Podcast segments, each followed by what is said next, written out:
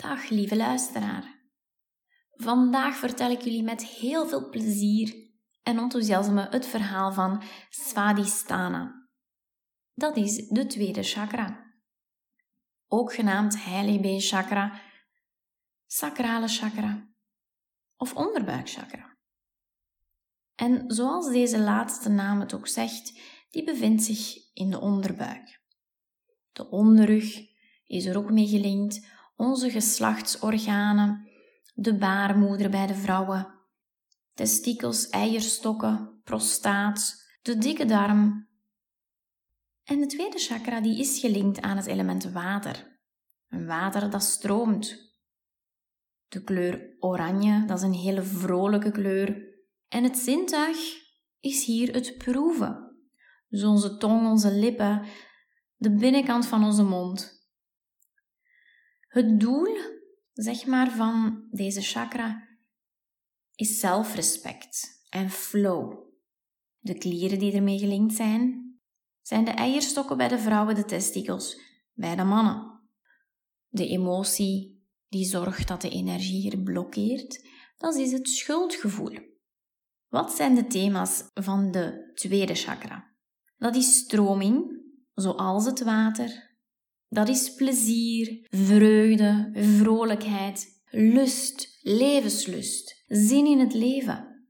Dat is beweging, creatie en transformatie, creativiteit en eerder het ontstaan van de ideeën dan de uitvoering.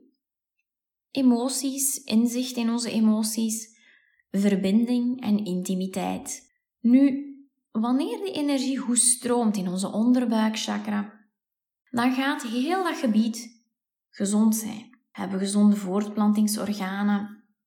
Hebben wij gezonde eierstokken, prostaat, testikels, dikke darm, een gezonde onderrug? En hebben wij een gezond libido? Op meer mentaal, emotioneel en spiritueel vlak gaan wij makkelijk verbinding kunnen leggen met andere mensen en gaan we gezonde relaties aangaan en hebben met onszelf en anderen. Gaan we ook een gezonde intimiteit hebben, ook weer met onszelf en anderen. En we durven gewoon spelen als een kind, verwonderd zijn, plezier maken, vreugdevol zijn. Ik noemde eerder ook al inzicht in de eigen emoties, maar niet alleen dat, ook inzicht in de eigen reacties en de patronen. Nu, wanneer dat er een onevenwicht is, die energie blokkeert, of er stroomt te weinig energie door die tweede chakra, je leeft misschien met heel veel schuldgevoel, dan zou het wel eens kunnen dat je last krijgt van lage rugpijnen, dat je voortplantingsproblemen hebt of dat jouw geslachtsorganen problemen vertonen, pijntjes, ongemakken, ziektes. Kan zijn dat er urologische problemen zijn, de blazen, urinewegen. Misschien is er impotentie, vaginisme, een heel laag libido, totaal geen zin of zelfs pijn tijdens de seksuele betrekkingen. En ook weer op meer mentaal, emotioneel en spiritueel niveau ga je angst hebben voor verandering. Je gaat emoties opkroppen in plaats van ze te uiten.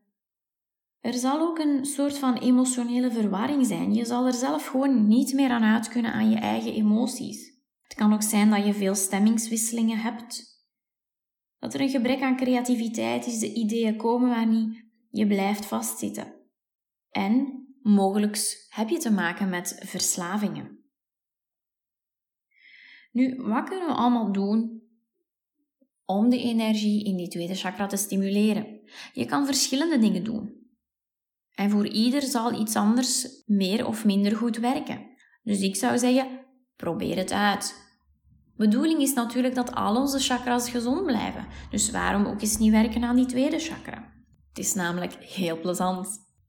Wat kan je doen? Wel, we bevinden ons fysiek in het heupgebied. Gebruik uw heupen. Ga dansen. Ik heb nog nooit iemand zien dansen en niet vrolijk zijn of geen plezier maken. Dat gaat gewoon niet. In C iemand dat danst, ja, die lacht, die maakt plezier, die beweegt. En dansen, dat maakt ook een heel sensuele energie in je vrij. Dus Ga die heupen ook gebruiken op een andere manier. Met jouw partner, ga vrijen. Of doe heupopeners in yoga. En doe gewoon de dingen die jou vreugde geven. Doe wat jou plezier verschaft. Lach. Speel als een kind. Heb je kinderen of nichtjes? Ben je meter of peter? Wel, ga echt spelen als een kind. Je kan ook aan tantra gaan doen. En tantra, dat wordt heel vaak gelinkt aan seksualiteit. En dat is daar zeker een onderdeel van, maar niet helemaal. Tantra draait voornamelijk ook over de zin in het leven, lust voor het leven. Ja, verliefd worden op jouw eigen leven. En daar werkt men ook aan de chakras.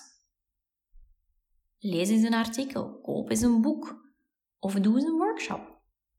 Wat je ook nog kan doen, is gewoon creatief bezig zijn. Tekenen, schilderen, knutselen. Je kan ook een pranayama-oefening doen, namelijk Chandra Anuloma Viloma. Dat is die ademhalingsoefening waarbij je enkel door jouw linkerneusgat ademt. Want ik zei bij het begin dat deze chakra gelinkt is aan het waterelement. Wel, wat heeft er een grote invloed op water? Dat is de maan. Ja, en onze linkerkant wordt in verbinding gebracht met de maan. Dus die ademhalingsoefening die de prana of de energie in jouw linkerkant gaat activeren, gaat ook inwerken op jouw tweede chakra. Het kan ook zijn dat jij rond een volle maan bijvoorbeeld enorm veel last krijgt van stemmingswisselingen, van emoties, misschien zelfs pijn in een onderbuik of in de onderrug.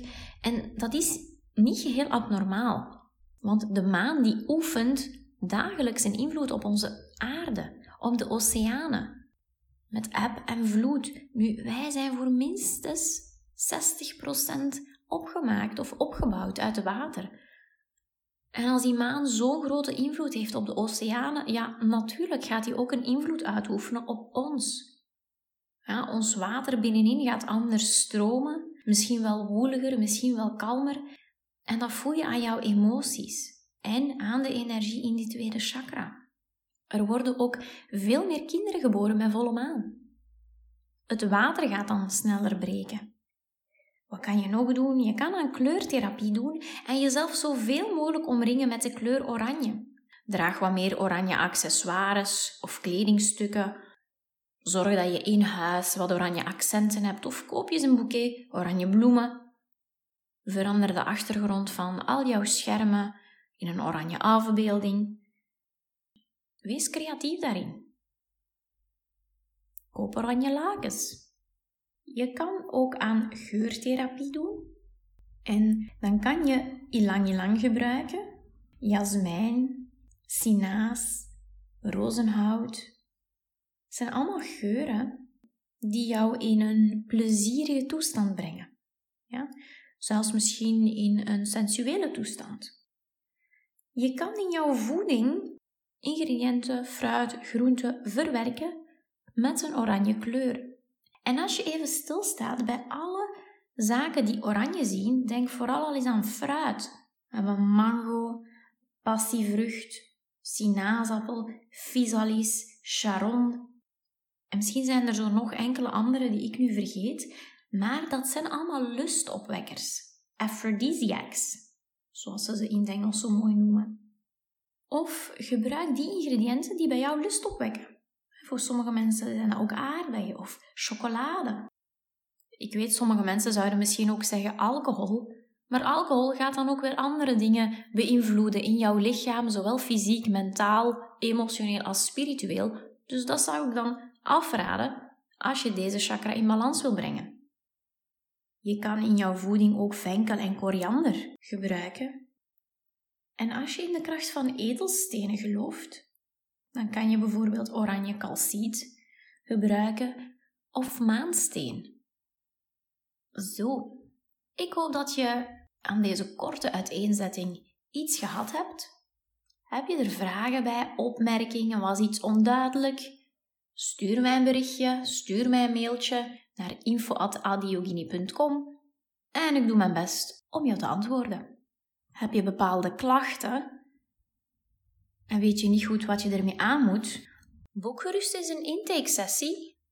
We kunnen dit in deze tijden ook zeker online doen. En dan kijken we samen hoe we jouw chakra weer in balans kunnen brengen. Bedankt voor het luisteren en tot de volgende keer.